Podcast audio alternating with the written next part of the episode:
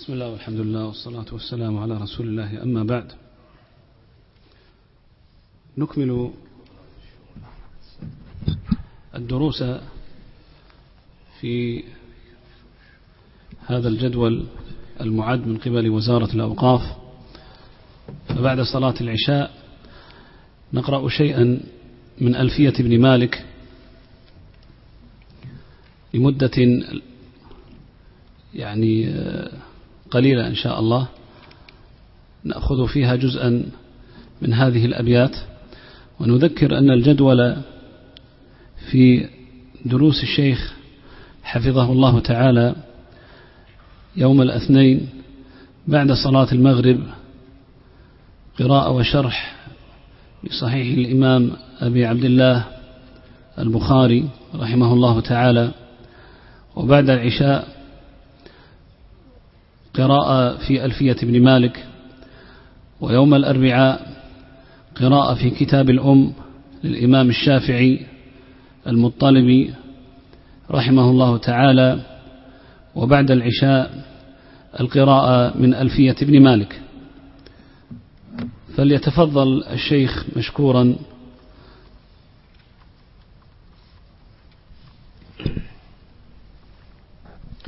الحمد لله والصلاة والسلام على رسول الله وعلى آله وسلم. أما بعد فمثل ما تقدم لابد من بيان شيء من ترجمة الإمام ابن مالك رحمه الله تعالى أبو عبد الله جمال الدين محمد ابن عبد الله ابن عبد الله ابن مالك الجياني الأندلسي الدمشقي. القاهري أيضا لأنه أيضا سكن القاهرة وأنتم تعلمون يعني عادة أهل العلم أن من يسكن موطنا أربع سنين نسب إليه. هكذا قالوا وفي الحقيقة أن الأمر ممكن يكون أقل. لكن المقصد أنه هو يعني نشأ في جيان ولد رحمه الله عام 600 للهجرة في جيان هذا الإمام الفذ رحمه الله الذي صار الناس يعني عموم المسلمين يعرفونه بالنحو أكثر من غيره من الأئمة السابقين له واللاحقين وغير ذلك. فالمقصود أنه رحمه الله تعالى طبعا حببت إليه العربية منذ أنامل أظفاره. والظاهر أنه كان يعني فيه يعني هذه الملكة. لأنه قيل أن النظم كان عليه غاية في اليسر رحمه الله تعالى وهذا ما يتأتى بالتعني. ولذلك يقسمون يعني الناس يقولون هذا شاعر مطبوع وهذا شاعر غير مطبوع ويقصدون بالمطبوع الذي ينضح بالشعر سليقة على قوانين العرب دون تكلف خلافا لمن يتعنى أن ينحت الأبيات نحتا فهذا أمر آخر. فالمقصود أن إمامنا هذا جاء في ترجمته ونحن نختصر ومن الممكن مراجعة المطولات. يعني والعجيب أنه صحب ابن خلكان صاحب وفيات الأعيان المشهور والعجيب أنه كان ينتظره ويوصله إلى بيته تعظيما له ولم يذكره في ترجمته لم يذكر له ترجمة. فما يدرى ما هو السبب الله أعلم. يعني رحمهم الله جميعا. المقصود أن ابن مالك هذا رحمه الله تعالى طبعا مثل ما قلت بل برع يعني براعة فائقة في علم اللغة عموما.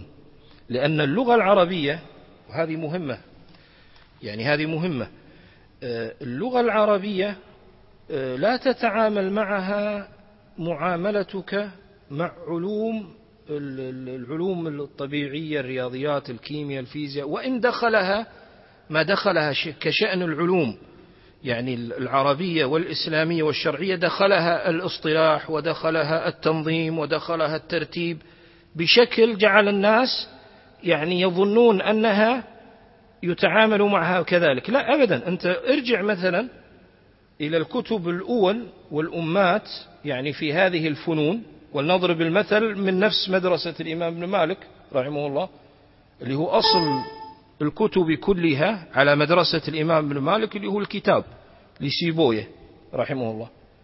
تجد أن المواد المتعلقة باللغة تمتزج بمعنى أنك لا تجد الصرف معزولا في حجرة والبلاغة معزولة في مكان والنحو في مكان والأدب في مكان. تجد اللغة كلها تبحث على طاولة واحدة وهذا أقرب لأن تؤخذ بكليتها لأن اللغة في نهاية المطاف اللغة في نهاية المطاف لغة يعني بمعنى يعني أرجو الله سبحانه وتعالى أن يوفقني في حسن التعبير يعني اللغة فيها نوع مزاج وذوق. فيها نوع مزاج وذوق إذا صح التعبير.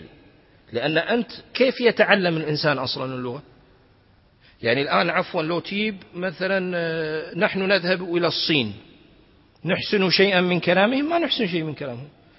يأتي صيني عندنا ما ما يفهم شيء لكن ائتي بغلام صيني يعني طفل واجعله يعاشر عرب يجلس ثم يسمع أصواتهم منذ أول ما ينشأ.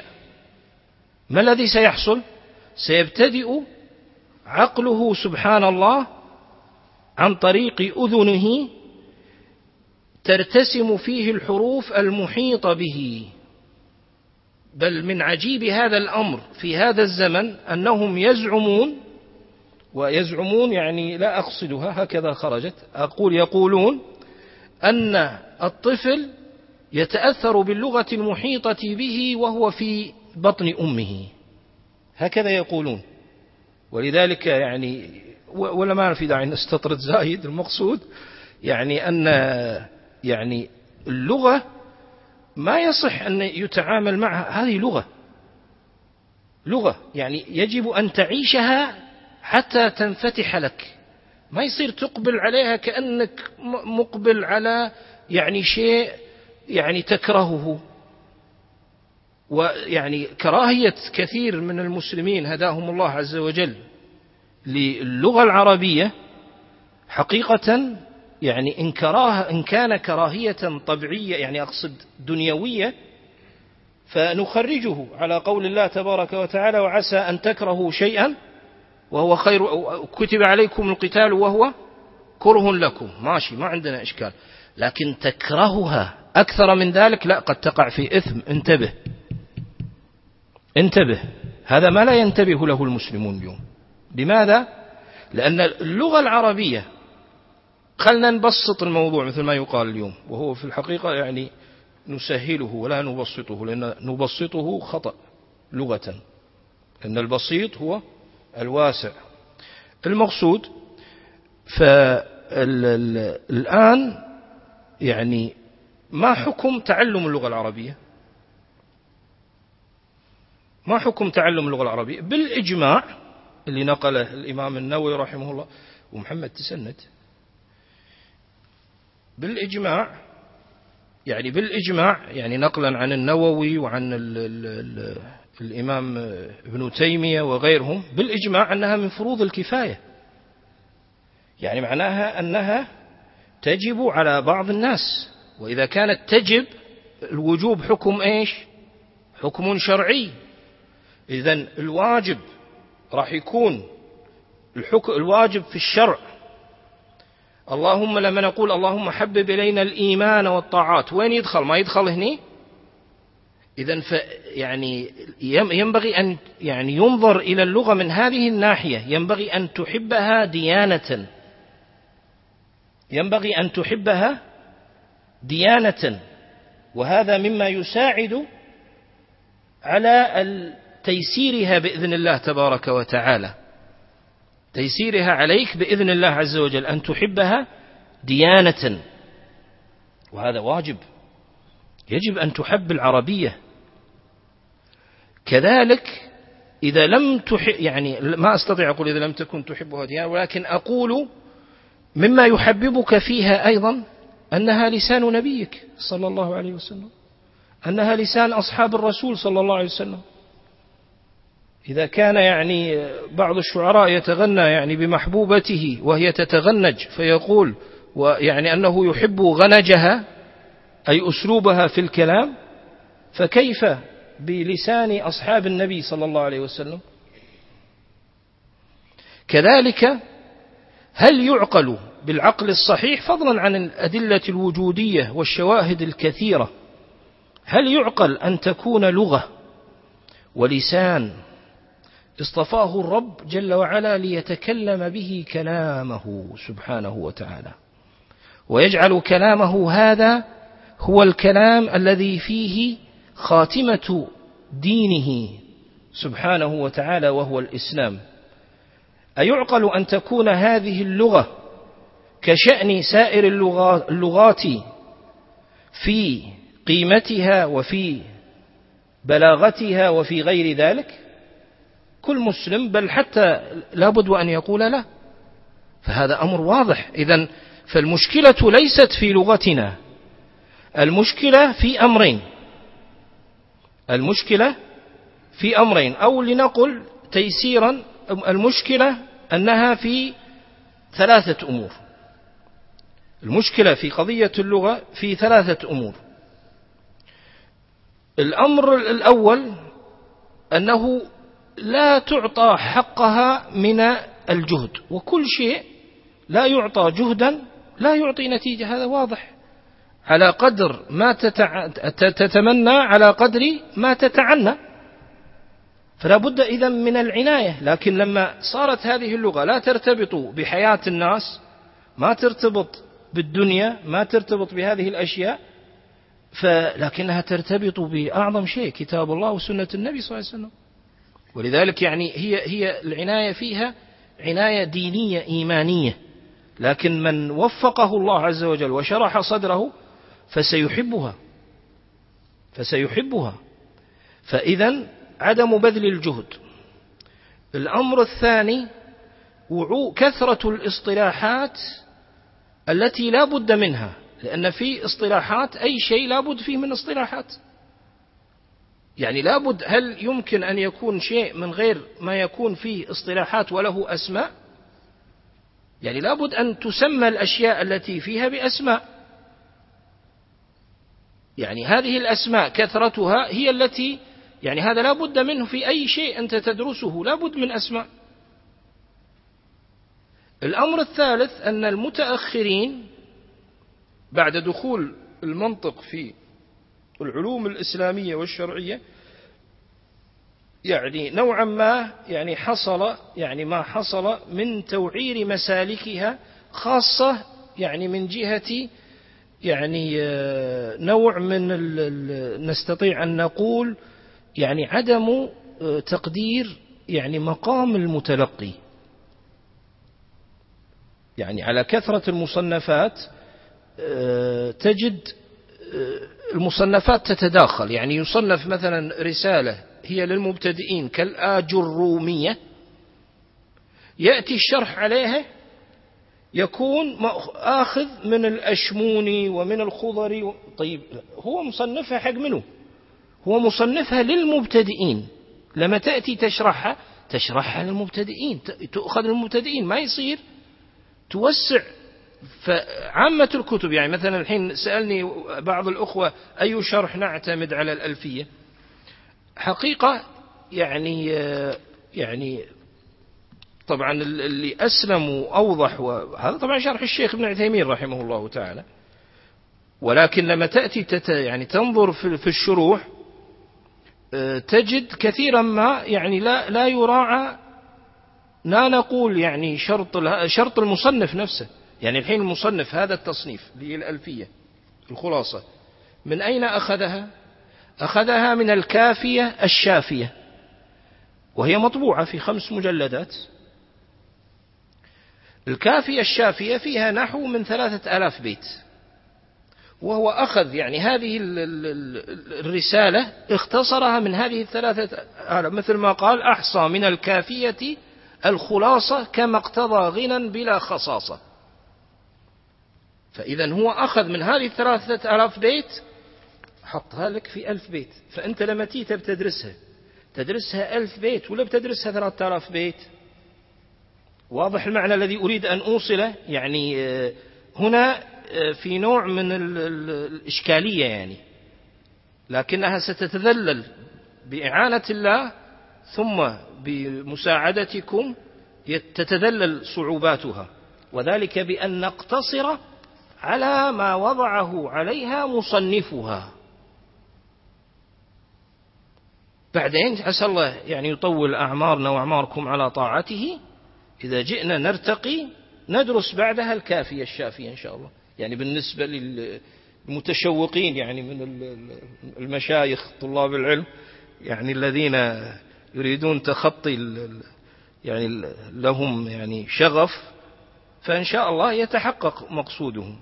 فالمقصود أن هذا الإمام يعني رحمه الله تعالى وهو على يعني مدرسة كما ينسب إليه وإن كان في الحقيقة رحمه الله يعني غاية في الإنصاف فإن المفردات التي قد لا تتخرج على مدرسة البصرة يعني هو ينسب إلى مدرسة البصرة بشكل عام.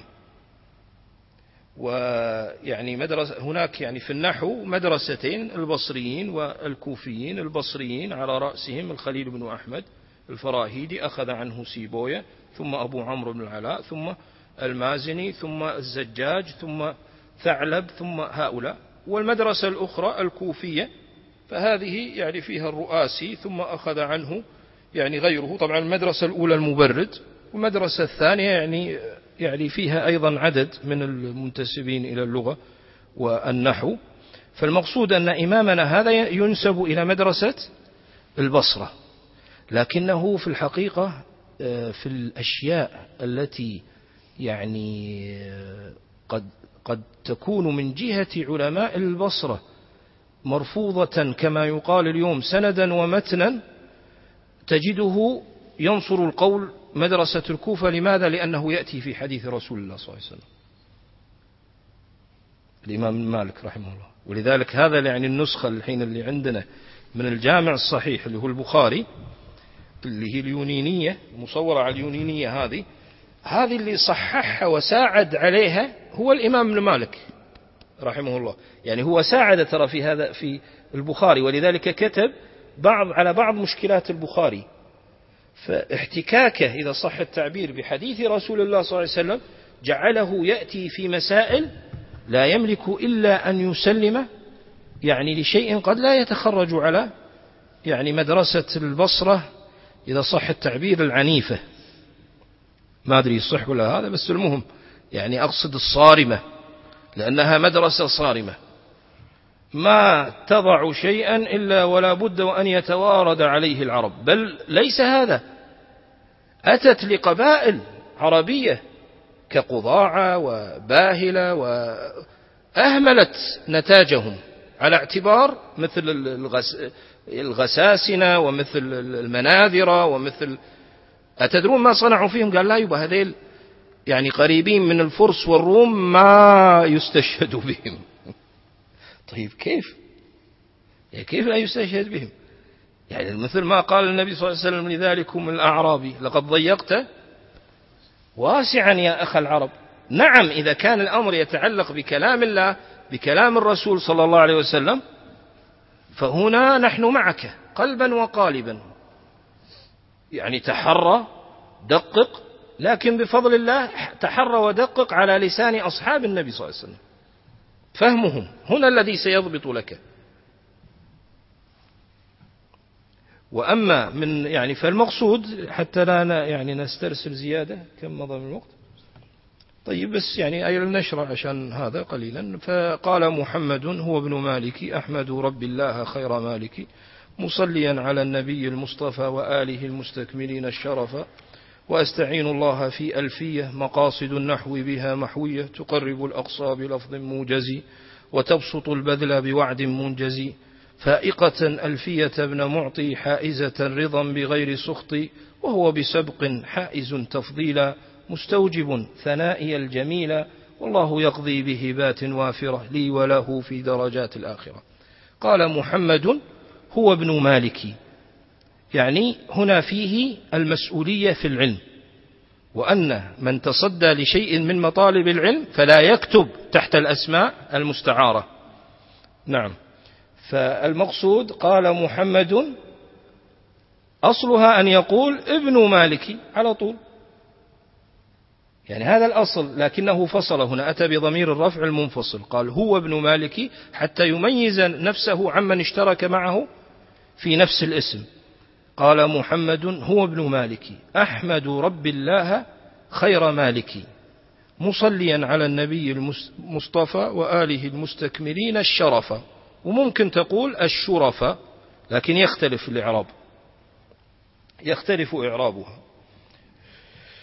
وأستعين الله في ألفية. طبعا ألفية تقريبا لأن البعض يعني قال أنها تقل عن ذلك أبيات وبعضهم قال يعني فالمقصود أنها بشكل عام تقرب من الألف بيت وهذا يعني درجوا عليه في التصانيف يعني أن يصنفوا في يعني استعين الله في ألفية فيه الاستعانة بالله تبارك وتعالى. يعني والمعاني كثيرة في هذا استعين واستعين الله في ألفية مقاصد النحو. بها محوية. مقاصد النحو. الآن الإمام ابن مالك لما يأتي هنا ينظم هذا البيت. لما يأتي الإمام ابن مالك رحمه الله ينظم هذا البيت. أتراه تعجزه لغة العرب أن يأتي بألفاظ غير الألفاظ التي استعملها؟ نسمع منكم جواب لأن يعني عشان نمهد لازم مشاركة. ها؟ تعجزه اللغة؟ لما يقول مقاصد النحو بها محوية. ما يقدر يسوي يرتب شيء ثاني؟ إذا فهنا ماذا مراده؟ مقاصد. إذا مراده جوامع النحو أصوله الكلية. فهل أراد كل ما يتعلق بالنحو؟ لا مو مراده هو قاعد ينظم بهذا الشرط. مقاصد النحو بها محوية تقرب الأقصى بلفظ وتبسط البعد. فائقة ألفية ابن معطي حتى قيل أنه هو درس على ابن معطي. هو درس على ابن معطي لكن هذا العلم يعني فيه التنافس. وفي ذلك فليتنافس المتنافسون. ما في ما في يعني قد يسبق التلميذ شيخه. قد يقع يعني رجل في العلم آه، متأخرا فيفوق من سبقه بمراحل بأن يحبوه الله جل وعلا نفسا زكية وإقبالا وملكة فيفتح عليه في العلم. فليس العلم ما في أقدمية. يعني لا يتعامل مع العلم واحد قديم واحد شيوخ أكثر واحد كذا. العلم هو طريق الله عز وجل. ما ينبغي أن يكون يعني بين المنتسبين إليه والمشتغلين به شيء من مثل يعني نوع من التهارج لأن هذا يخرجهم إلى صفة يعني قبيحة مذمومة يعني أشار إليها بعض أصحاب النبي صلى الله عليه وسلم كما يروى عن ابن عباس أنهم مثل التيوس في مرابطها أو كذا. فهذه صفة مذمومة. لا قد يأتي الطالب الصغير يفوق وهكذا. المهم أن يتحقق الدين. المهم أن ينتشر الحق. هكذا ينبغي. فهنا الإمام مالك ابن مالك شيخه صنف غير تصنيف شيخه وألفية ثم قارن بين ألفيته وألفية شيخه. وفضل ألفيته علانية على ألفية شيخه. هذه هي روح العلم. هذه هي روح العلم. فيها يعني في روح للعلم. لابد أن توجد ولابد أن يتقبل الأساتذة من الطلاب هذه الروح وأن يساعدوهم عليها. فالمقصود يقول فائقة ألفية بن معطي حائزة رضا أي رضا قارئها. والدارس لها من غير سخط أي رضا تاما كاملا ليس فيه أي نقص. ثم دعا له قال والله يقضي بهبات وافرة لي وله في درجات وهو بسبق حائز تفضيلا مستوجب ثنائي الجميلة فنسأل الله تبارك وتعالى يعني أن يذلل لنا وإياكم يعني الصعب وأن يوفقنا وإياكم إلى أن نتذوق لسان العرب من أجل أن نتذوق القرآن وأن نفهمه وأن نفهم كلام الصحابة. فمن يعني وفق إلى أن يرزق في العربية نية طيبة فإن هذا بعد الاستعانة بالله مفتاح جميل. وأما من أقبل على العربية من غير هذه النية فإن العربية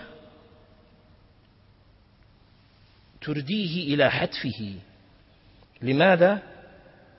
لأن لها في القلوب وفي العقول صولة وجولة فهي لغة جميلة بليغة فيها من المعاني والألفاظ ما يأخذ بالألباب فإذا أقبل عليها المقبل من غير نوايا حسنة ومن غير تقى لله أوجبت في قلبه شيء من الأمراض ولذلك انتبه من, جي من الأجيال الأول انتبه السلف الصالح إلى مثل هذه المعاني.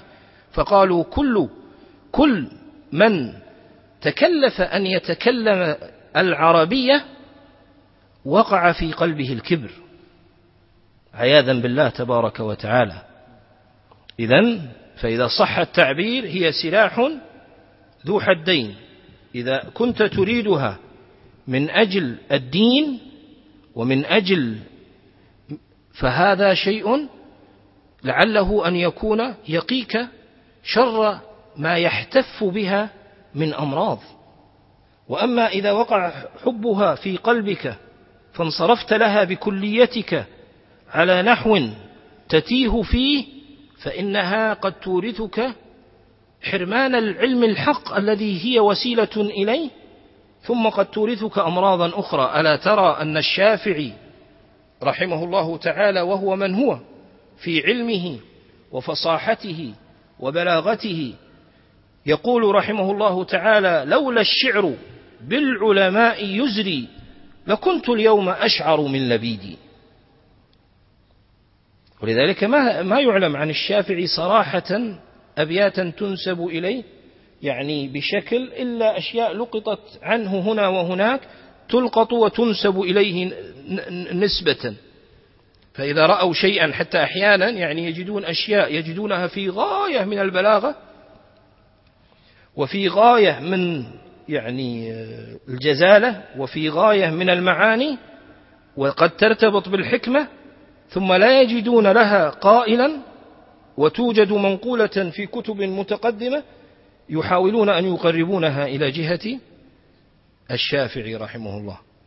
فأسأل الله تبارك وتعالى أن ييسر لنا وإياكم الخير أسبابا وأن يكفينا وإياكم الشر والفتن ونكمل إن شاء الله يعني الدرس القادم فيما يتعلق في التمييز بين الاسم والفعل والحرف والفروق بينهما وما يمتاز به هذا وهذا وهذا. نسأل الله الإعانة والتوفيق لنا ولكم.